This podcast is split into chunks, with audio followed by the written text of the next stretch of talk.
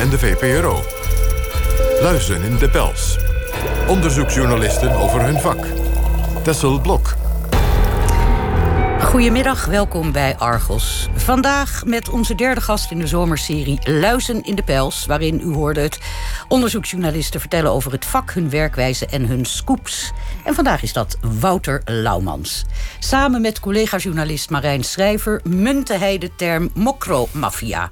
Een fonds overigens waar ze niet alleen lof voor kregen. Onder diezelfde titel verscheen in 2014 een boek... waar maar liefst 100.000 exemplaren van werden verkocht. Het werd ook verfilmd als fictie. En in juni van dit jaar verscheen hun vervolg op Mokromafia... het boek Wraak. Beide boeken beschrijven de opkomst van een nieuwe generatie criminelen... die zich voornamelijk bezighoudt met cocaïnehandel... maar ook voor een golf van liquidaties heeft gezorgd de afgelopen jaren. En daar lijkt geen eind aan te komen. Hartelijk welkom, Wouter Laumans. Wij tutoyeren elkaar. Uh, daar lijkt geen eind aan te komen. En de Amsterdamse gemeenteraad heeft dus gevraagd om een spoeddebat. Wat ook gaat komen met die, in, in die zin dat de eerste vakantie uitgevierd wordt. Dus het wordt pas begin september. maar goed, over dat ontzettende toenemende geweld in de hoofdstad. Eind juli, begin augustus, liquidaties. Uh, vorig weekend vier geweldsincidenten. Uh, zijn dat, Wouter, incidenten die volgens jou heel direct te maken hebben met die groepen die jullie in jullie beide boeken beschrijven? Nee, dat idee heb ik niet. Um, wat je natuurlijk wel ziet is dat er zijn een aantal vergelijkbare groepen actief in die stad. En net als in Rotterdam en in Amsterdam. En uh, die grijpen snel naar de wapens. Uh, ja. Met alle gevolgen van dien. Dus het zijn niet specifiek, hoeft niet specifiek om die groepen te gaan. Nee. De gemeenteraad vraagt dat spoeddebat natuurlijk aan... omdat ze zich zorgen maken en omdat ze willen weten... op welke manier dit soort dingen te voorkomen is. Is dat naïef? Denk je dat er, is dat een utopie? Is, zo, is het te voorkomen of is het van incident naar incident rollen... en hopen dat je toevallig eens tegen uh, iets aanloopt... wat de boel enigszins verduidelijkt? Nou, helemaal voorkomen dat, dat Oké, okay, dat zal ook niet. niemand vragen. Nee, nee, nee. Ik bedoel, maar deze uitbarstingen zijn wel erg hevig. Er zijn heel veel wapens in omloop. Uh, en uh, wapens zijn niet uh, heel duur. En daardoor zijn er mensen die snel aan een wapen komen. En als je met een wapen op zak loopt, dan uh, ben je eerder geneigd om dat om te, te gebruiken. gebruiken. Ja, ja. Dat, dus dat is. Er zijn. Uh, er, er, er, er moet dus, zou je zeggen, het beleid moet zich op allerlei dingen richten, maar ook inderdaad dus op het verboden wapenbezit. Verboden wapenbezit. En hoe de wapens het land binnenkomen. Ja, zou echt een speerpunt moeten zijn van de politie. Okay. Burgemeester Femke Halsema die heeft bij haar aantreden vorig jaar gezegd dat ze sowieso een speerpunt, je zei het al, wilde maken, geven aan de aanpak van het geweld. Mhm. Mm -hmm. Daar horen wat jou betreft dus ook wapens bij. En nu, we kunnen er niet omheen. Het is de actualiteit is zij zelf op een nogal ongelukkige wijze in het nieuws gekomen. Door de arrestatie van haar zoon. Ja. Voor wat jouw collega's van de Telegraaf... Uh, John van der Heuvel en Wouter de Winter... Uh, betitelden als een gewapende inbraak. Wat, wat vond jij van de toonzetting van dat stuk? Uh, ik vroeg me wel gelijk, uh, ik vroeg me wel af, is het helemaal nadat ik de uitleg van Femke Halsema had gelezen. Die schreef zij in een brief aan alle Amsterdammers. Ja, die schreef ze naderhand. De, ik dacht wel, uh, waar, waarom heb je dat niet tegen de, de journalisten gezegd? Maar en, toen ik las wat het incident behelste, dacht ik wel van ja, gewapende inbraak of puberaal geklier. Want dat is wat zij schreef in haar brief. Het ging om met weliswaar een nepwapen, wat ook verboden is. Ja. Klieren in ja. een verlaten woonboot. Dan spreken je collega's van de Telegraaf over gewapende inbraak. Ze spreken over een doofpot, dat de politie zich daar zorgen om maakt. Dat wordt allemaal pijlsnel weersproken, weerlegd. Is dit... Zo'n artikel, hè, als dat als gepubliceerd wordt, is ja. dat nou... Dat kan niet gebaseerd zijn op echt onderzoek. Is dat een lekkie bij een agent die nog een rekening, rekening te vereffenen heeft... en als nou, dat al zo is, uh, moeten jouw collega's zich daar dan voor... Laat me, laat me wel even vooropstellen dat uh, uh, Wouter de Winter en John van Heuvel... zijn natuurlijk wel journalisten die erv ervaren genoeg zijn... Absoluut. om Hun dit, sporen dit, verdiend hebben met... Nou ja, kijk, ja. en als zij opschrijven dat zij dus meerdere mensen hebben gesproken... bij de politie en binnen justitie... die daar een zeker ongenoegen over voelen... ja, dan... dan, dan dan kan je dat publiceren. Maar het woord gewapen, de, de, de, gewapende inbraak, dat is misschien wat. Dat was. Uh, dat, ja, en daar, daarvan dacht ik van, nou, goh, weet je wel, dat had misschien makkelijk uit de wereld geroepen kunnen worden als. Uh, als uh, die, de, de, de, die brief wat eerder misschien mm. naar de journalisten was gegaan. Geschreven ja. was, ja, logistiek onhandig. Nou ja, ik dacht wel, ik dacht wel uh, wat ik er wel bij dacht, is van als burgemeester... en als ouder, je hebt, uh, Femke Halsma heeft natuurlijk een rol als ouder en een rol als burgemeester. En dat is heel ingewikkeld. Ik heb zelf een puberzoon. Uh, mijn zoon is vorig jaar van het dak tegenover de Nederlandse bank geplukt met een luchtdrukpistool. Wat en een ontzettend stomme plek om te gaan zitten, zeker met een pistool. Maar, oh, en? Daar heb ik niets over gelezen in de krant. jawel, daar heb ik destijds een column over, geschreven. Maar ik bedoel, er was niet een verslag van een jongen met luchtdrukpistool. nee, want hij was minderjarig. En, uh, zijn, dit is de zoon van uh, zijn stief, En zijn stiefvader is, uh, is niet een, de burgemeester van Amsterdam... maar een eenvoudige scribent. dus, nee, maar kijk ik, ik, ik weet wel dat ik dacht, toen ik deze hele affaire las... dacht ik, waarom heb je dit niet eerder naar buiten gebracht? En ik snap ook dat je als moeder denkt... nee, ik ga dat niet doen. Ik ga gewoon, ik, ik wacht, ik wil mijn zoon zo erg beschermen... dat, uh, dat, uh, dat ik, ik, ga, ik wil daar niks over naar buiten hebben. Uh, brengen. Ik begrijp dat zij haar zoon zelf van het politiebureau heeft opgehaald. Ja, dat daarover gekletst wordt als de burgemeester haar zoon uh, van het politiebureau gaat halen. Ja, dus jij zegt dat het is een beetje naïef om te denken dat er überhaupt niet iets naar buiten komt. Dus meld dan nu meteen maar even helemaal hoe het zit. En dan nee, niet, niet helemaal. Maar je kan dat natuurlijk, dat kan je eh, op allerlei manieren doen. Je kan dat ook zeggen van nou ja, ik, ik geef een gesprek. Uh, ik heb een interview over mijn burgemeesterschap. En zeg, nou ja, een van de dingen waar ik mee geworsteld heb. Mijn zoon is dit jaar aangehouden. Uh, en hoe ga je daarmee om als burgemeester? Ja, dan is het in, in feite. En dan natuurlijk, nu springt het ook wel helemaal uit de band vanwege, vanwege... Je kan geen krant openslaan. Nee. Dus nee, wij ook weer nu. Ja. Uh, jij hebt je trouwens zelf ook er enigszins in gemengd... het op een buitengewoon vrolijke, luchtige toon... met een soort jeugdherinnering. Want jouw moeder is kennelijk de dochter van een burgemeester. Ja, mijn moeder is een burgemeester. Een burgemeesterskindje. Ja, een burgemeesterkindje. En jij hebt moest... ooms die, die ook wel eens... Uh, waar ik, waar ik aan moest denken uh, bij de hele affaire... was dat liedje van Kinderen voor Kinderen uit de jaren tachtig. Ja, opa vertelt. Maar uh, uit de jaren tachtig had je zo'n liedje... Haha, ha, je vader. En dat ging over kinderen en die zongen van als ik geplaagd word... Ik, ik, ben, ik ben, mijn vader is dominee, mijn vader is wijkagent... en mijn vader is schoolmeester. En daar word ik mee gepest. En ik dacht, als je nou toch zo'n krielkip van 15 bent... en je moeder is burgemeester van Amsterdam... en het is een burgemeester waar iedereen wat uh, bij voelt... ofwel ze vinden het gek of ze haten er... En er gebeurt iets met Ajax. Dan mag jij je dus elke keer in de klas mag jij je gaan verantwoorden voor de beslissingen van je moeder. En ik vind het ergens ook wel een soort bittersweet, uh, een soort zoete ironie dat nu het zo is dat de rol, die, die puber heeft uh, gedaan wat alle pubers doen. Die draait heel vakkundig de rollen om. Want nu mag zijn moeder zich voor hem verantwoorden. dat vond ik ergens ook wel een soort van geestig. Wouter, uit wat voor milieu kom jij? Keurig, uh, netjes, uh, upper middle class. Wat deed je vader? Haha, ha, je vader? Mijn, haha, je vader. Uh, mijn vader die is bankdirecteur, daar werd ik mee ja, gepest. Nou, zee, haha, ha, bankdirecteur. Ja, ja. En mijn en, moeder en, zat in het notariaat. Allebei beroepsgroepen waar nooit iets mis is. Nee. nee. Uh, en waar was we in Amsterdam? Ja, en, en, en Amsterdam-Zuid, Amstelveen, dat soort uh, regio's. En waar kwam jouw fascinatie voor de zware criminaliteit vandaan? Of was die er niet en ben je erin gerold? Mijn fascinatie kwam er eigenlijk uh, uh, uit, uh, die komt uh, dus tweeledig. Mijn moeder die heeft voordat ze een carrière in, de, uh, in, het, in het notariaat had, heeft zij gewerkt als welzijnswerker in de Bijlmer. En de Bijlmer was in de jaren tachtig was een van junken vergeven ellende was dat. En ik ging daar dan wel eens heen als, nou, dat was ook geweest zijn, 10, 11-jarige. En het fascineerde me wat er dan bij haar allemaal voor de deur stonden. Allemaal... kwam in een totaal voor jou onbekende wereld. Ja, ik, Kwam uit een, ik kwam uit een hockeywereldje. Uh, waar gewoon iedereen op, uh, ging uh, op zaterdag naar de, naar de hockey in het Amsterdamse bos. En vervolgens ging iedereen in, de, in de winter gingen, gingen ze allemaal op wintersport. En toen je dat daar zag in de, in de Bijlmer van toen, voor, voor het, waar, ja. waar jouw moeder werkte, was je, vond je dat eng of, of trok ik het je aan? Het ook wel spannend. Hm. Ik vond het wel spannend. Er stonden ja, van die, van die, van die uh, heroïneverslaafden stonden daar allemaal te schreeuwen. En die stonden daar te hosselen en te doen. En ik was daar echt wel door een soort uh, van doorgebiologeerd. van wat, wat, wat is dit dan allemaal? Uh, mijn ouders hadden wel een abonnement op Vrij Nederland. En die hebben toen ooit een keer een artikel gehad over de Bijlmermeer. Mm -hmm. en, en, dat is me altijd bijgebleven. Waarin ze heel diep, uh, waarbij die verslag, ik weet niet eens meer wie het geschreven Denk ik, ja. En die heeft dat toen heel, van heel diep uit, binnenuit beschreven... hoe de Bijlmer zeg maar, ging van, van, van uh, uh, jongens, het is helemaal fantastisch... voor de blanke middenklasse naar echte achterstandswijk... Uh, vergeven van junks. En ik, ik vond dat heel interessant. Um, nou ja, een paar jaar later kwam ik in Amsterdam op school...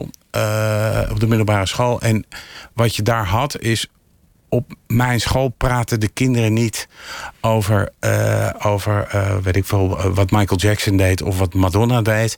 Nee, die hadden het over bepaalde andere jongens. En dat waren de moeilijke jongens uit de stad. En dat waren gevaarlijke jongens. En daar was een soort heel soort schaduw iets waar mensen allemaal over praten. Waar iedereen van wist hoe de hazen daar liepen. Ja, een soort van soort semi-onderwereld. En ik vond dat dus heel fascinerend dat er dus een wereld is naast gewoon. Een soort parallele wereld waar jij niet veel van wist. Nee. Waarvan je nu weet dat die vergeleken met waar, uh, waar we nu in zitten nog tamelijk onschuldig was, tussen aanhalingstekens. Uh, ja. Niet te vergelijken met nu. Laten we daarover gaan hebben. Dat onderzoek waar jij de afgelopen jaren mee bezig bent geweest... met, met collega Marijn, hè, ja. de mokromafia. Laten we het begint eigenlijk, zegt iedereen altijd, met een incident. Noem het een incident.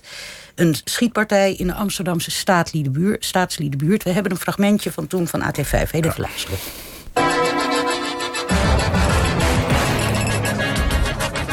Goedemorgen, u kijkt naar een extra uitzending van het AT5 Nieuws... in verband met een grote schietpartij vannacht in West. Want op meerdere plekken in de statieliebuurt is gisteravond geschoten met automatische wapens. Twee mannen zijn daarbij om het leven gekomen. Ook werden er twee motoragenten onder vuur genomen. Zij konden op tijd wegduiken voor de kogels. Verschillende plekken in West werden gisteravond afgezet voor sporenonderzoek. Bij de schietpartij is gebruik gemaakt van volautomatische wapens. Een terreinwagen bleef doorzeefd achter. Ja, AT5, dat was december 2012. Ja. Wat gebeur, wat gebeurt, wat is hier gebeurd? In iets korter tijdbestek dan het boek zullen we maar zeggen.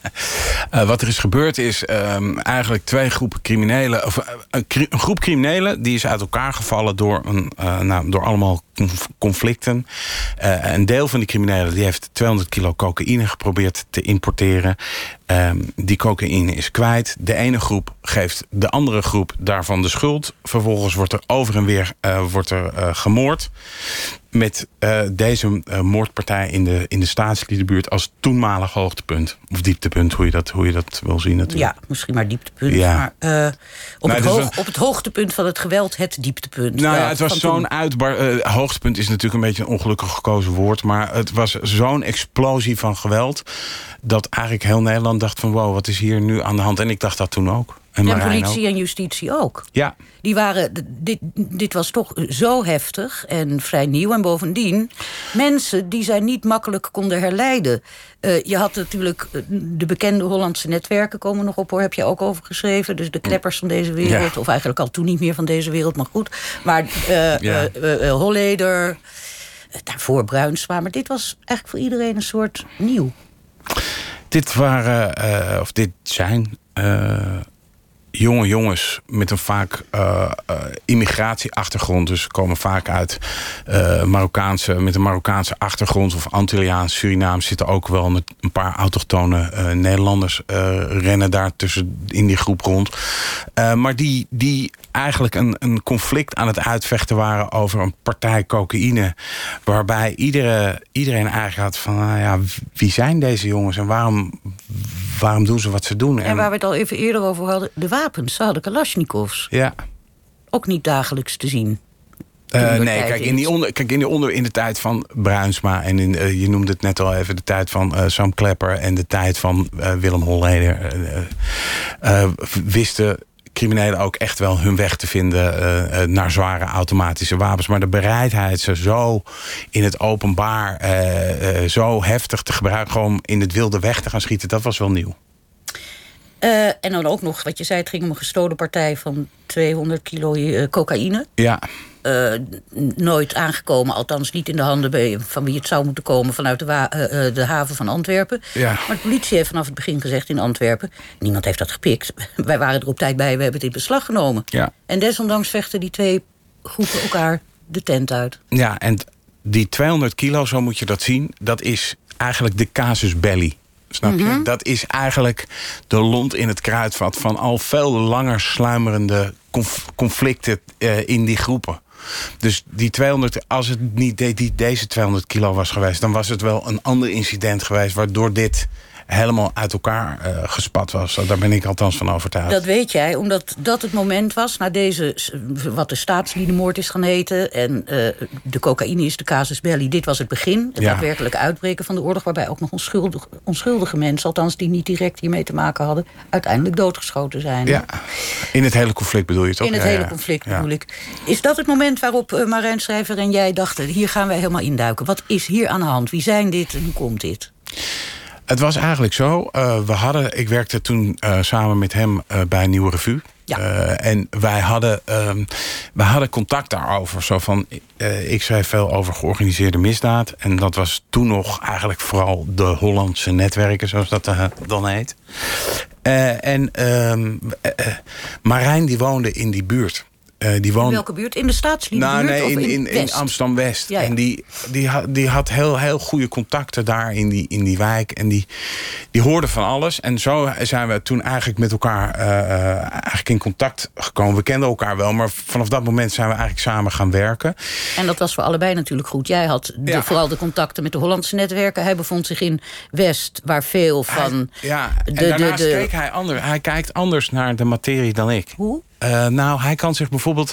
Een, een, een vraag is... Uh, als je lang in, in, in die journalistiek zit... die over uh, onderwereld en dat soort toestanden... dan worden een aantal dingen gewoon normaal voor je. Dus, um, Wat wordt dan normaal? Nou, bijvoorbeeld als iemand praat over een champagnegouden Rolex... dan kan Marijn kan vragen van... ja, maar waarom wil je zo'n gouden... Dat vraag ik niet eens, omdat dat gewoon... ja, dat is voor mij een soort... Ver, dat willen ze allemaal. Maar Marijn kan dan zo'n vraag stellen waarvan ik denk... ja, okay. dat is eigenlijk een hele goede vraag dat je dat stelt. Want dat is eigenlijk waarvoor, waarvoor ze het allemaal doen. Zo kunnen jullie elkaar aanvullen. Allebei met je eigen uh, uh, uh, ja. bijna, ja. zou je kunnen zeggen. Ja. Um, en dus ook allebei andere ingangen en bronnen. Ja. ja. En wij zijn eigenlijk zijn wij toen die staatslieden, toen zijn wij begonnen met ons erin te verdiepen. Maar ons eerste verhaal ging over uh, een jongen die uh, uh, stond op de Most Wanted lijst. De lijst van de meest gezochte criminelen van Nederland. Rida Benayem. En die, was op die stond op die lijst en wij, die werd op zijn 21ste geliquideerd. En dat vonden wij toen zo jong. En toen hebben wij eigenlijk een portret van hem geschreven... van een jongen die, die eigenlijk ja, symbool stond wat ons betreft. Je vond, jullie vonden hem zo jong, zeg je. Was dat wat, het, wat jullie het meest opviel? Hoe komt een 21-jarige jongen... Wat heeft hij in zijn leven gedaan dat hij afgemaakt moet worden... nog voordat zijn leven goed wel begonnen is? Dat was wel een van de, van de belangrijke dingen waarvan van, van jeetje, Mina, dat is toch ja, misschien een hele andere manier ervan nee, daarnaar ik, te kijken. Maar... Ik vraag het omdat het een, een, ook een onderwerp is wat in, in uh, jullie beide boeken en in artikelen steeds een rol speelt. Ja. De ontzettende jonge leeftijd van de kinderen, hoor, ja. oma vertelt nu... die ze al zo ver zijn doorgedrongen in dat verschrikkelijke... echt zwaar criminele milieu. Ja, want... Dus kennelijk een, een, het is ja, in, in, in, in dit vak ga je heel snel schrijven over de grote jongens... en de, en de kilo's en de... weet je wel, dat is een, een, een makkelijke... of daar, daar focust justitie zich ook uh, uh, heel erg op. Uh, dus het is, de verleiding is er altijd om over de allergrote... de grootste jongens te gaan schrijven maar hun motieven zijn uh, vaak... Ja, dat zijn drugshandelaren die hun problemen oplossen met geweld. Mm -hmm. Maar het, het, het, uh, uh, ik vind dat er heel veel drama in zit in een verhaal van een jonge jongen... die er eigenlijk nog alle kanten uit kan uh, in het leven. En die consequent de verkeerde afslag pakt. En vervolgens eindigt hij op zijn ene. En ik vind dat echt piep en piepjong. 21ste dood op een stoep. Dat vind ik, een heel, dat vind ik heel tragisch. Over, over die kant dus niet zozeer uh, wat sommige mensen zelfs lekker en smakelijk vinden om te lezen... over uh, uh, de zware criminelen met veel geld en drank en weet ik veel. Mm -hmm. Maar ook heel erg de sociaal-culturele achtergrond... en de, de menselijke kant is waar jij graag over schrijft. Komen we zo op. Ik wilde nog heel even naar ja. jou, jouw werken met, Marijn dus... Ja. bij Nieuwe Revue. Maar je werkt ook tegenwoordig met Jan Meijers van NRC. Ja. Dat vind ik zo'n grappige combinatie. Niet dat ik hem of jou goed ken qua mens, maar qua waar jullie vandaan komen. Telegraaf Nieuwe Revue met NRC, dat is, op zich, dat is op zich opmerkelijk. En zeker als het gaat over misdaadjournalistiek. Waarom, hoe komt dat? Is dat ook weer omdat jullie elkaar aan kunnen vullen qua bronnen? Uh, of ja. gewoon omdat jullie dol op elkaar zijn? Nee, nee, nee, nee, nee. Er zit altijd een bepaalde aanvulling uh, op elkaar. Ik denk dat ik in de combinatie met Jan... Ja, dat, ik werk heel graag in duo's samen. Omdat, en met name in dit vak...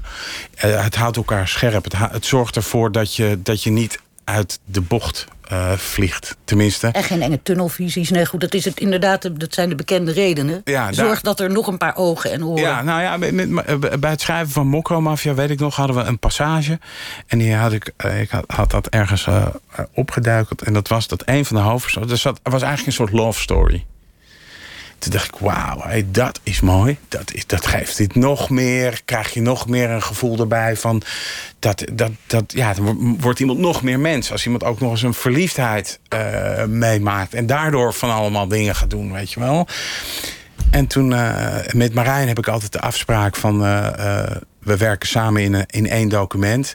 Dat de, de, de een mag alles deleten van de ander. Dus ik had dat helemaal met mijn beste kunnen had ik dat opgeschreven. En de volgende dag was ik eigenlijk, uh, wilde ik eigenlijk net mijn complimenten in ontvangst gaan nemen. Om te kijken van, kijk. Weg? Weg. Eén zinnetje. Kun je niet hard maken? Wordt één, één bron is geen bron. Dit wordt rotzooi zo. Dit gaan we niet doen. Zoiets. Dus gewoon in één keer. En toen ben ik naar mijn koffiezetapparaat gelopen. Toen heb ik even hard, hard grondig gevloekt. En Marijn voor alles uitgemaakt wat en toen ik, toen ik zeg maar mijn koffie op had, toen dacht ik, ja, maar hij heeft wel gelijk. Okay. Hij heeft wel gelijk. En het houdt elkaar scherp. En je hebt allebei je eigen ingangen en je eigen kijk op dingen. En dat is ook zo met Jan Meijers. Uh, ik bedoel, ik heb Jan heel hoog zitten.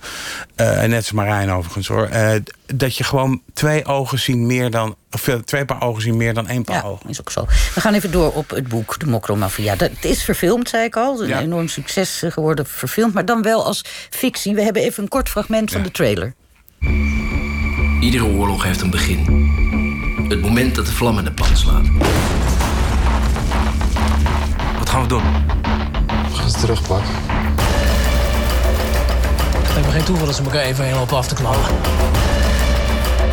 Ik snap niet dat zij niet snappen dat dit een fucking domme oorlog is. Broer, deze shit loopt uit de hand. Ja, een stukje uit de trailer van Mokro Mafia, de, de verfilmde fictieve versie, noem ik het maar even, van, mhm. van jullie boek. Ehm, is het wel realistisch verfilmd, vind je? Ja, het verhaal uit ons boek. Je ziet op een gegeven moment. Ik, zie het, ah, ik, heb het, ik, heb ik bedoel dus niet realistisch als verhaal, maar gewoon de beelden. Die, ik bedoel, de, is het geloofwaardig ja, als je er naar kijkt. hoe ze praten. Niet alle. Kijk, sommige dingen vind ik uh, over gedramatiseerd. Maar ik mag thuis ook nooit naar Penosa kijken met mijn vrouw. Want dan zit ik alleen maar te, te beroepen wat er allemaal niet klopt. Dus, ja, nee, oh, dat is ook verschrikkelijk. ja, dat is ook heel vervelend. Uh, ik bedoel voor haar. Ja, ja, ja. Dus ik eh, word al naar, naar, naar, een andere kamer verbannen dan. Um, dus uh, kijk, als je dat het is voor mij heel moeilijk om dat, om dat los te zien van het echte verhaal. Ik vind dat ze het heel knap gedaan hebben. Hoe, ze, hoe er gepraat wordt, dialogen zijn sterk. Uh, en ja, weet je wel, ik vind, en wat ik met name heel leuk eraan vind... is dat RTL het heeft aangedurfd. Want?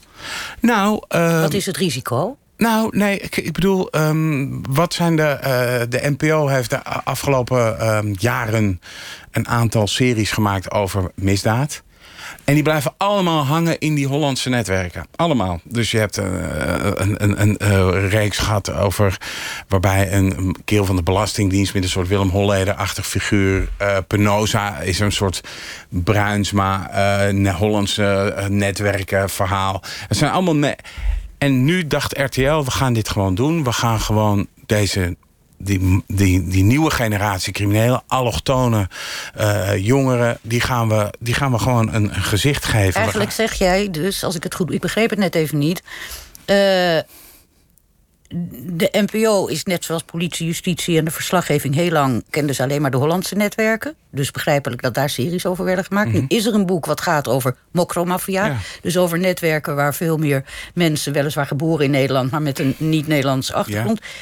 En dat is niet politiek correct om dat te doen. En RTL heeft gedacht, geen nuance meer, het staat er en we doen het. Dat is wat jij zegt. Uh, ik, ik weet niet of de, zien we de politiek correcte, uh, politiek correcte daar, nou, dat van die gevolgen zien we wel. Ik denk niet dat ze daar zo over gedacht hebben. Maar ze durfden gewoon het aan om dit verhaal, om hier fictie van te maken. Om te zeggen van dit vinden wij belangrijk, hier maken wij een televisieserie over. En wat ik dus helemaal leuk vind, is dat RTL er dus ook is, uh, uh, in is geslaagd om een hele doelgroep aan te spreken. De jongeren kijken massaal die serie. De, het serverpark rookte op een gegeven moment. Zo populair was dit. Snap je? En dan denk ik toch van ja, NPO, afslag gemist. Hmm, dat is dan kennelijk zo. En die, de, de jeugd die kijkt, is dat uh, jeugd van alle komaf? Ja. Dus ook van. Marokkaanse, van Turkse, van Antilliaanse? Van Amstelveense, van Amersfoortse, van Leeuwardse. Uh, weet je wel, iedereen. Okay. Ze kijken allemaal. Die, die, die uh, mokromafia. Uh, ja, ik vraag het je toch maar even voordat we ja. verder gaan over waarom jullie het zo genoemd hebben. Zou je, zou je dat kunnen duiden in een paar woorden wat je het meest opvalt... en dan vooral wat het meest opvallend is aan het verschil... met wat dan uh, uh, de Hollandse netwerken waren. Voor zover, misschien zijn ze ja, wij, maar... Ik snap wat je bedoelt. Wij, wij, wij, hebben met die term hebben wij gewoon proberen aan te geven... luister, je hebt Willem Holleder, je hebt Klaas Bruinsma en Cor van Hout... en je hebt al die gasten en dit is wat anders. Mm -hmm. Dit is een nieuwe generatie. Zeker. Die houdt zich met hetzelfde bezig. Drugshandel. Uh, maar ook, het is ook toch weer een beetje, een beetje anders door die... Uh, invloed van uh, de achtergrond van mensen. Hè. Deze, um, deze jongens die zijn uh, drugs gaan smokkelen over oude hash, bestaande hashlijnen in Marokko. Zijn ze cocaïne gaan smokkelen. In plaats van hash? In plaats van hash. Want cocaïne is tegenwoordig de, de drug of choice bij veel mensen. En die zijn er schathemeltje rijk mee geworden. Het is ook veel meer waard natuurlijk. Ja. En dus ineens gaat het ook om grotere belangen. Ja, veel geld. En veel geld brengt altijd met zich mee veel meer geweld. geweld. Ja. Niet dat het alleen op elkaar rijmt, maar als je meer verliest... ben je ook sneller geneigd om moet, dat te voorkomen. Ja, je moet je voorstellen, een kilo uh, uh, drugs, een softdrugs... een kilo hash kost, weet ik veel, 3500 euro. En een kilo cocaïne kost als je in de groothandel, zou ik maar zeggen. um, en een kilo uh, uh, cocaïne kost uh, tussen de 27 en de 32.000 euro. Dus dat is ongeveer een tienvoud. Snap je? Dus dat is duidelijk. Dat is dus al een verschil. En dan de opbouw van, van, van de bendes of van de groepen... of ja, van de criminele groep die jullie mokromafia noemen. In hoeverre is die anders en is hun werkwijze anders... dan die van de wat be toen bekendere Hollandse netwerken? Wat, je, wat ik het meest opvallend vind aan deze groepen... is dat het de, de stepping stones zijn ontbreken of... of wat, bedo wat bedoel je? Nou ja, kijk, vroeger had je uh, uh, straatschoffies... die waren aan het klieren op, uh, op een hoek van een straat. die begonnen dan in te breken. Die, na het inbreken overvielen ze een sigarenboer. Na de sigarenboer overvielen ze de bank... Uh, dan uh, kwamen ze zo tussentijds een paar keer vast te zitten. Nadat ze de bank hadden overvallen, stapten ze met geld de drugshandel in. Dat was, dat was eigenlijk de, de, de opleiding. Grosso modo. Ja. En nu zie je dat gewoon jongens. Die, en, en, en, en, en in die drugshandel pas, dan komen ze in aanra- kwamen ze vroeger in aanraking met liquidaties. Dan een, een, conflict in de drugs, ja, dat kan je niet oplossen. Uh, of, nou ja, goed. Dus daar zat een soort, ja, hoe zeg je dat, een soort leerschool ging daar. Ja, ik begrijp wat je. Sorry, ik begrijp wat je bedoelt, maar daarom nu begrijp ik ook jullie verbazing over. Want daar komen we nu op, hoe het nu is, over die jeugdige leeftijd. Ja. Waarop deze kinderen al zover zijn. En wat je nu ziet, is dat jongens die gewoon nou, nog eigenlijk op de hoek van de straat zouden, rotzooi zouden moeten trappen. De ene week een, inbraak plegen en de volgende week aangehouden worden voor. Uh, terwijl ze onderweg zijn met een auto met uh, vol Kalashnikovs en onderweg zijn om een liquidatie te plegen. En dat is, dat is in mijn optiek, is die hele razendsnelle, die razendsnelle leerschool, zou ik maar zeggen. Mm. Het klinkt bij, bij gebrek aan een beter woord. Carrièreopbouw. Ja. Maar dan in de misdaad. Ja, dat is nieuw. En dat, en dat, dat, zie je in alles terug. Dat zie je terug in. Dat zie je niet alleen terug in de driestheid van die acties, de driestheid waarmee er geschoten wordt, maar ook de manier waarop ze, waarop ze bijvoorbeeld omgaan met bewijs. Hoe zij aankijken tegen bewijs. Als, er zijn PGP-gesprekken, misschien komen we er later. Komen we op, ja, ja, dat is zeker. Ja. Nou, er zijn bijvoorbeeld Maar als je gesprekken- zegt er is echt hard bewijs van de kant van, de, van justitie. Nou ja, kijk, als je dus een leerschool hebt... waarbij je een aantal keer in aanraking bent gekomen met justitie... dan leer je dus ook hoe bewijs werkt. Wat is bewijs en wat is niet? Dat leren die jongens op straat. En deze jongens die komen soms helemaal nog niet in aanraking met politie... en plegen dan al een delict als een liquidatie... maar snappen helemaal niet wat sporen zijn en wat bewijs is. Dus dat, dat vind ik... Laten we eens even kijken waar we het in het begin al over hadden. En dat jij zei, ik, ik ben er heel erg voor. En ik vind dat ook, ik vind het moeten. En dat vind ik ook mooi. Om niet alleen op te schrijven en, en eh, te onderzoeken eh, naar de grote jongens, voor zover je daar al bij kan komen. Maar vooral ook de sociaal-culturele achtergrond. En wat gebeurt er nou eigenlijk? Uit, uit wat voor milieu komen deze jongens, die jij juist nu beschrijft, die nog zo jong zijn en als straatschoffie beginnen op de Ja. hoek ergens in West. In no time zo ver dat het moordenaars worden en niet ontziende. Eh, of als ze echt ongeluk hebben, zelf slachtoffer van een vergismoord, weet ik veel. Maar zo erg daarin terechtkomen. Schets, is er een soort grosso modo milieu te schetsen waaruit zij komen, waardoor zij hier kennelijk zo gevoelig voor zijn? Het, het beangstigende is dat, dat, er, dat er natuurlijk wel gewoon de. de je kan met hele brede penseelstreken kan je wel dat soort milieu schetsen. Hè? Dus eh, eh, ge- eh, ge- gebroken gezinnen, afwezige vaders, veel op straat, grote gezinnen. ehm, ehm, hoe heet dat? Ehm, eh, psychische, geestelijke problemen. Hè? Dus psychische problemen, Er zijn- psychiatrische problemen. Er zijn ook heus wel onderzoeken naar Ja. gedaan. Hè. Je hebt die groep, de top 600 Ja. gehad in Amsterdam. Die De heb je nog 600 steeds, ja. meest ja, in het oog lopende je, eh, kinderen... die ook in de gaten, die men in de gaten wilde houden... om juist te voorkomen dat ze zouden ontsporen. Nou, een aantal van hen heeft, ik weet niet wanneer... ik geloof 2013, de GGD... eh, eh, de gemeens, gemeentelijke geneeskundige dienst onderzoek gedaan, psychisch onderzoek ook. En daaruit bleek, veelal jongens van Marokkaanse afkomst... ik geloof een derde van die groep van 600, of twee derde, weet ik niet, een derde... gemiddeld een nogal laag IQ hadden, heel weinig vermogen tot inleving... en ontzettend veel moeite met het zelf in toom houden van agressie. Dat is een officieel onderzoek waar dat uit blijkt. Mhm. Dus ik begrijp, je moet voorzichtig zijn en dikke penseel streken... maar hier en daar wordt, wordt dit wel gestaafd door onderzoek. Ja, en dan zijn er dus ook jongens die dat helemaal niet opgaat. Nee. En zijn Dus, dat, eh, maar mag ik je dan eens vragen... want dat is iets, wilde ik even ook hebben over jullie boeken, onderzoek... Ja. De jongens die dat helemaal niet hebben, zijn dat dan de jongens die uiteindelijk aan de touwtjes trekken en de grote bazen zijn die deze slimieltjes tussen aanhalingstekens dan maar ronselen? Want Dat komt, hoe goed ik jullie boeken ook vind. Ik tast wat dat betreft nog steeds volledig in het duister. Het zou ook wel gek zijn als ik als enige in Nederland, Nederland het zou weten. en justitie en jullie Ja, niet. Maar Kijk, wij hebben daar natuurlijk wel ideeën over. ook maar- geen idee over, over hoe jullie daarin te werk zijn gegaan qua onderzoek. Waar, waar stokt het?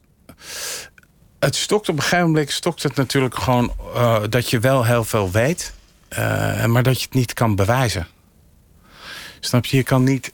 Eh, je, eh, tussen weten en bewijzen zitten natuurlijk eh, twee dingen. Kijk, wa- wa- wat, je, wat wij proberen te schetsen is dat er in een wijk ofwel familie woont van een grote drugsbaron. En die, die, die, die neefjes van die grote drugsbaron... of die vrienden van die grote drugsbaron... die gaan mensen ronselen in zo'n wijk. Zo werkt het. Zo gaat dat. En die ronselen in hun eigen vriendenkring. En die ronselen iemand waarvan zij denken... van nou, dat is wel iemand waarvan, wij, waarvan die, die, die, die, die zie ik ervoor aan dat hij dat doet. Ehm, je zegt, dan weten we heel veel. Dat kan, kan ik ook lezen in alles Ja. wat jullie schrijven. Dan wordt het bewijzen moeilijk. Dat weten, om daar, daar dan nog even op terug te komen. Ik begrijp dat jij mij hier niet een lijst met bronnen gaat geven... maar ik krijg een beetje de indruk dat eh, heel veel bronnen...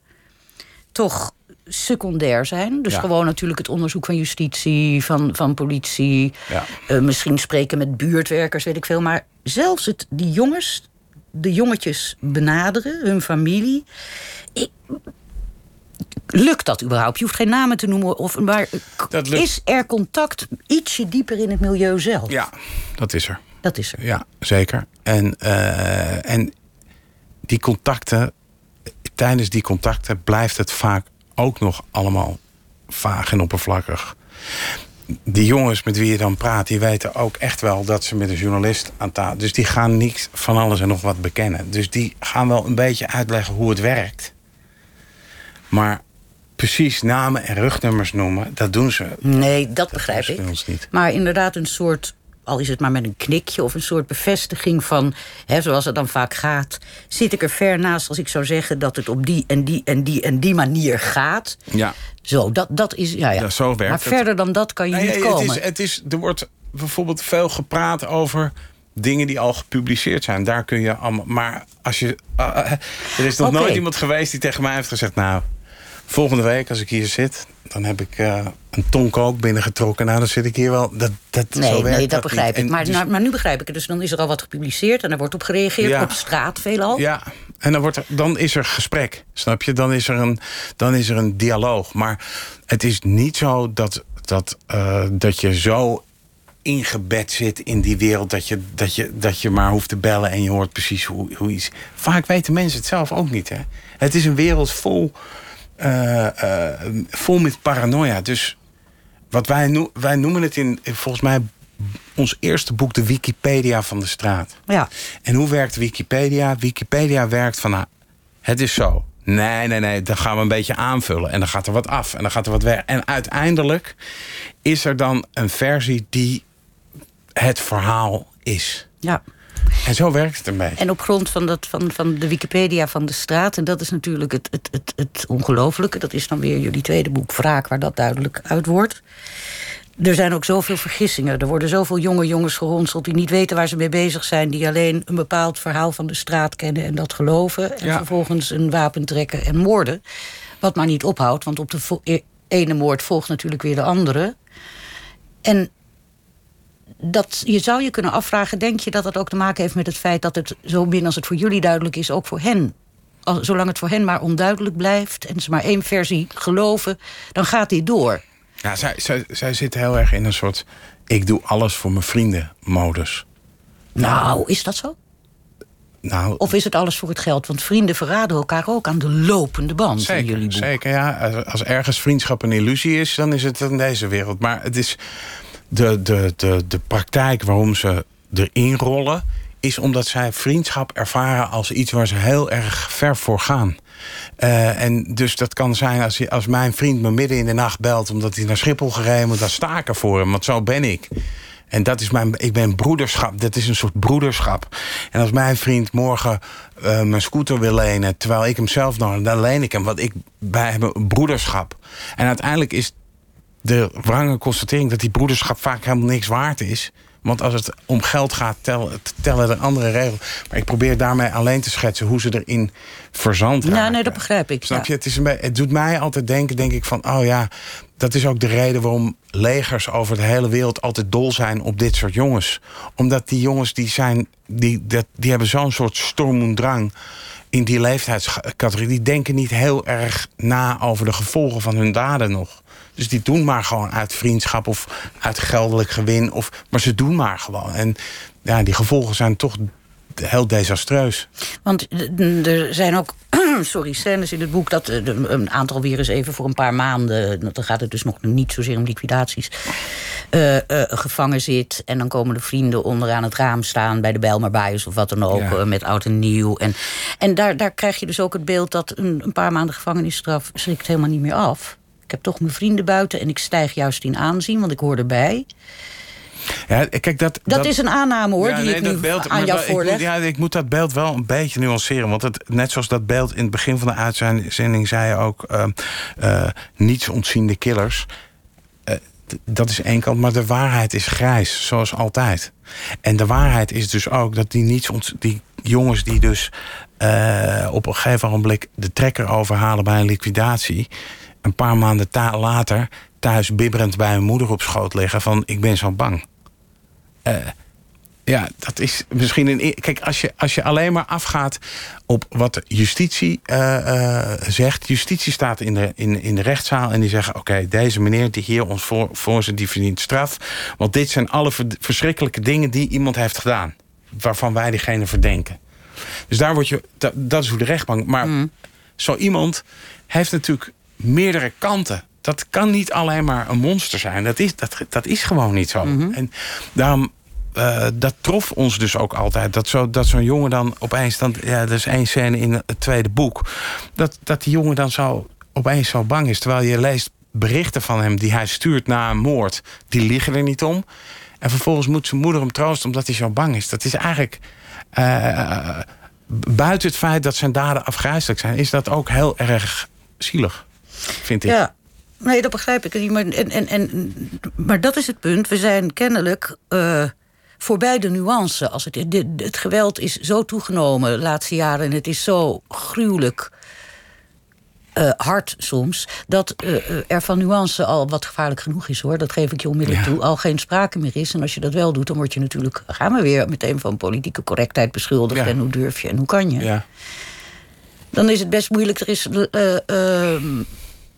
in juni, meen ik, zijn, eh, zijn twee of drie, nee, zijn vier kopstukken, zij het hele jonge kopstukken uit die mokromafia veroordeeld tot levenslang. Twee tot levenslang. Mhm. Omar El en Hamid. Hisham. Ja. M. ja. Ja. Eh, En dan- daarvan zou je ook kunnen zeggen, die zijn 21 en 23 of 21 en 25. dat ook aan hen zal een andere kant zitten. Die Omar El bijvoorbeeld heeft wel dodenlijsten gemaakt... maar was het jongere broertje van een van de jongens... die bij de beruchte staatsliedenmoord aanwezig was. aanwezig was... Ja. en onschuldig is doodgeschoten. En dat heeft hem, toch? Ja, onschuldig. kijk, wat- en dat- Ah, het was in elk geval niet het doelwit. Hij, eh, Omar, eh, is eh, inderdaad onlangs tot levenslang veroordeeld. En ik, ik bedoel, de- als je zijn, zijn daden in ogenschouw neemt, dan denk je ja, dit is, dat is niet misselijk. Ehm, maar ik kan, als ik dat vonnis dan hoor in zijn rechtbank, dan denk ik, jeetje man. Het wordt straks 2000, het wordt het 2020 en 2030 en 2040 en 2050. Denk je dat eens in, hè? En je zit maar in die doos. Ja, daar, bij mij, ik, en, en, en ik bedoel, een hardliner zal zeggen: ja, if you can't do the eh, time, don't do the crime. En dat hoort er nou eenmaal bij. Dat is ook zo, eh, misschien ergens wel. Maar ik, ik kan die gedachte niet onderdrukken dan.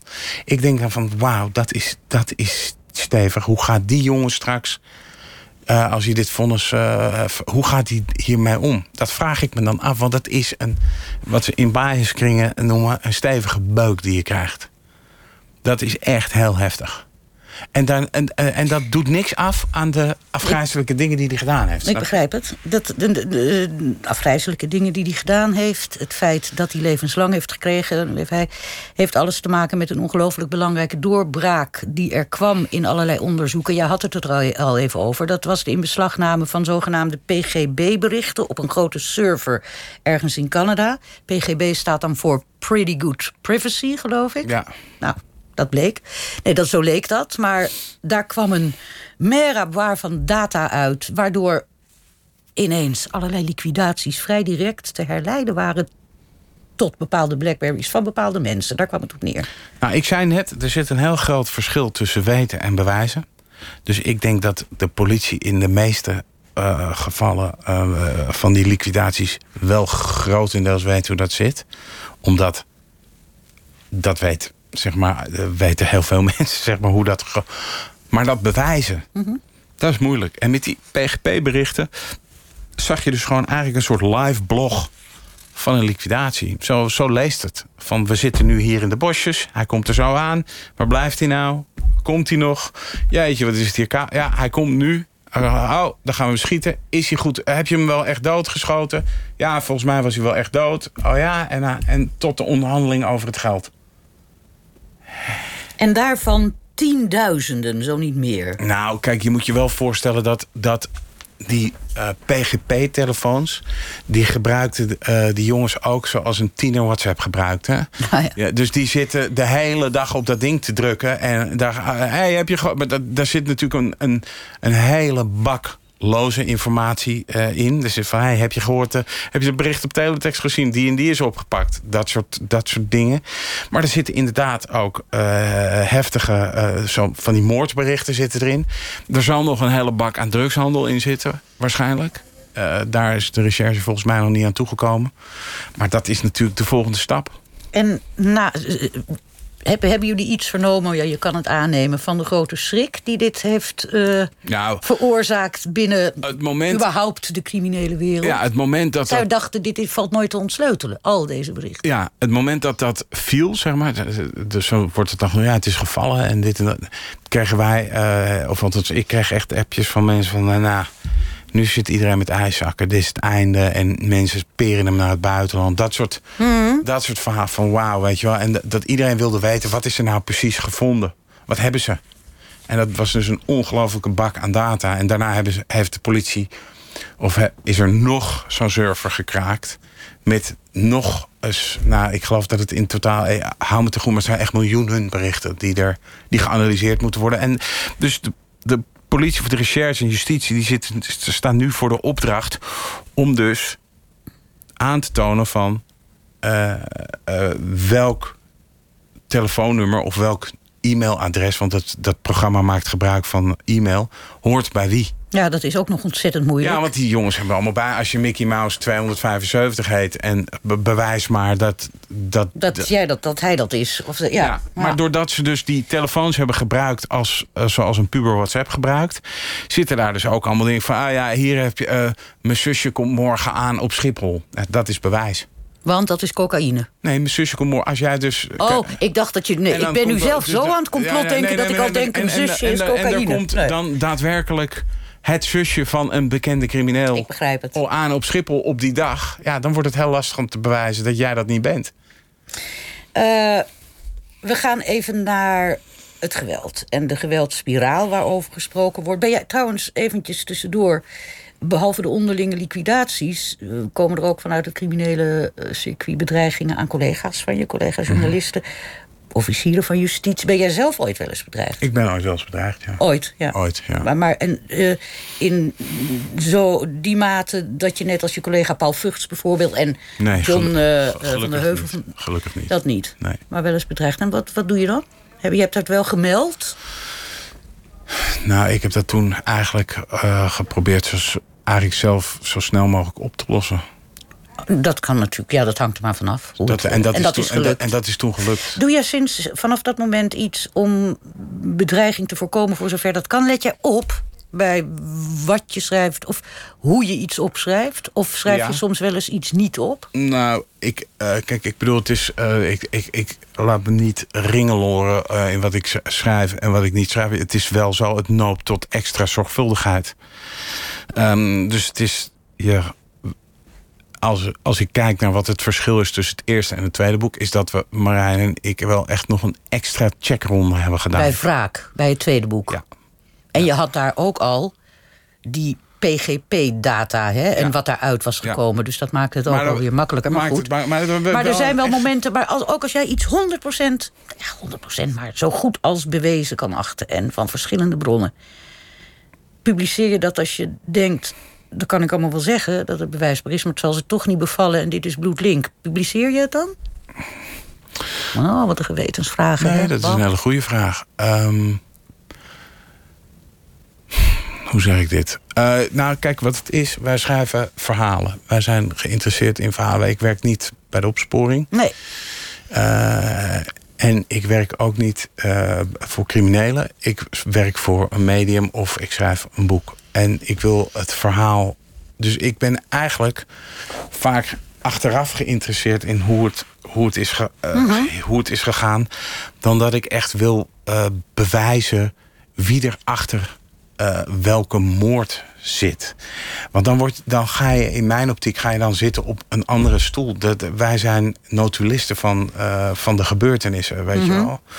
Dus maar het kan natuurlijk wel eens gebeuren dat je ergens tegenaan loopt waarbij je denkt, oeh, wacht even. Dit is de, en, dan, dan gaan, en dat is dus waarom het werken in zo'n duo heel prettig is. Van oké, hoe gaan we dit aanvliegen? Hoe gaan we dit opschrijven? Want het is niet zo dat we zeggen van nou, er wordt iemand boos, dus we schrijven het maar lekker niet op. Dat, zo werkt het niet. Dat is het niet, Nee. oké. Eh, ik wilde toch nog eventjes, eh, om, om een idee te geven... van, van, van eh, de mate van geweld. Maar 2016 werd het bijna nog ongelooflijker... omdat er toen een hoofd op straat werd gevonden in Amsterdam-Zuid... voor een shisha-lounge waar een van de groepen heel frequent kwam. We gaan heel even naar een kort fragment luisteren.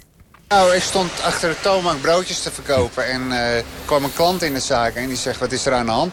En ik ga naar buiten toe en eh, ik kijk zo, ik kijk zo en ik... Nou, er was- er lag dus een hoofd op straat. Dus ik schrik me de kleren. Ik, eh, en eh, toen ben ik naar binnen gegaan, heb ik mijn broer geroepen, die stond gehakt te draaien. En die is ook naar buiten gegaan, even wezen kijken. En toen was het, ja, eh, schrikken natuurlijk. Tja, een moment wat ook niemand zal vergeten toen dat hoorde. Eh, om wie ging dit? Wie was het slachtoffer? Nou ja, dat is een van de jongens die, eh, die ook... Uit, uit, uit, uit een van die groepen? Ja, die, die jongens? figu- die figureert in het boek uh, Wraak. Dat is Ja. die jongen die, waarvan ik net zei dat hij eh, op, bij zijn moeder op schoot lag. Ja. eh, dat is hij. Dat hij zo bang was. Ja. Ja. Ja, jij houdt eh, regelmatig lezingen, begreep ik. Om jongeren die jij nu dit uur geschetst hebt, die, die misschien heel eh, eh, eh, makkelijk over te halen zijn en makkelijk te beïnvloeden zijn. Om van straatschoffie die belletjes trekt ineens in het veel erger terecht te komen, om ze tegen te houden. Wat, wat, wat, waar doe je dat en wat zeg je dan? Nou, Marijn en ik geven wel lezingen op middelbare school. En dan... dat... Daar, ik, ik bedoel, we proberen niet... eh, ja, er zit natuurlijk een waarschuwend element eh, in, in dat boek. En we proberen uit te leggen hoe het werkt. Ehm, ja, wij, wij vinden dat we dat eigenlijk... Wij zeggen eigenlijk altijd ja daarop. Eh, ehm, dat begrijp ik ook wel.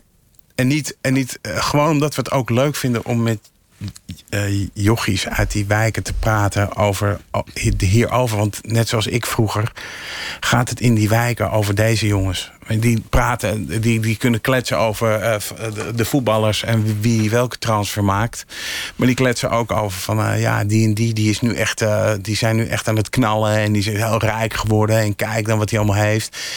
En wij proberen die, die, als we of voor zo'n klas staan of voor zo'n groep eh, jongen, proberen wij echt wel heel duidelijk te maken van jongens, het lijkt allemaal heel leuk. En die pakken geld, dat is fantastisch. Maar, en we gaan ook niet zeggen dat misdaad niet loont. Want dat doet het wel, want dat weten ze allemaal. Want ik bedoel, ze, ze zien mensen pakken geld uit hun zak trekken... Waar, waar, waar jij en ik twee jaar voor moeten werken. Heb je het idee, de- de- de- jullie boeken worden ook, ook door hen gelezen. Ja. Hè, en door, eh, maar heb je het idee dat jullie dan dat, dat je enige invloed hebt? Of dat het misschien zelfs zover kan komen dat, dat, dat jullie echt dat je Nou, wat- flink vertrouwen hebt? Wat, wat heel vaak gebeurt is dat tijdens eh, van die dingen dat ze allemaal hun telefoon laten zien. Want dit boek wordt eh, eh, heel, heel erg gejat. Dus dat gaat via WhatsApp sturen ze dat naar elkaar. En dan zeggen ze, dan zeggen ze ja, daar moet je niet over zeuren. Want ik bedoel, ja, dan moet je geen boeken over misdaad schrijven. Maar eh, ehm, eh, dat ze zeggen, dit is het eerste boek wat ik uitgelezen heb in mijn leven. Dat vind ik al een hele stap. Ja, Komt er een derde boek, kort? Waar we naar uit kunnen kijken? ik weet het niet. Je weet het niet. Ik, nee, ik, ik ben nu blij dat het tweede boek eh, er ligt. Ik vind het altijd een hele... Het is ook nog maar net. Het is in juni uitgekomen. Ja, wie weet. Ik zeg geen ja, ik zeg geen nee. Goed. Heel erg hartelijk bedankt, Wouter Laumans, dat jij hier was. En volgende week zijn wij er natuurlijk weer met nog eenmaal een luis in de pels. En zometeen de collega's van Radar, gepresenteerd door Misha Blok. En dat gaat over misvormde groente en fruit. Waarom zien we die, dat zo weinig in de supermarkt? Goeie vraag. Oké, wat ons betreft een heel fijn weekend.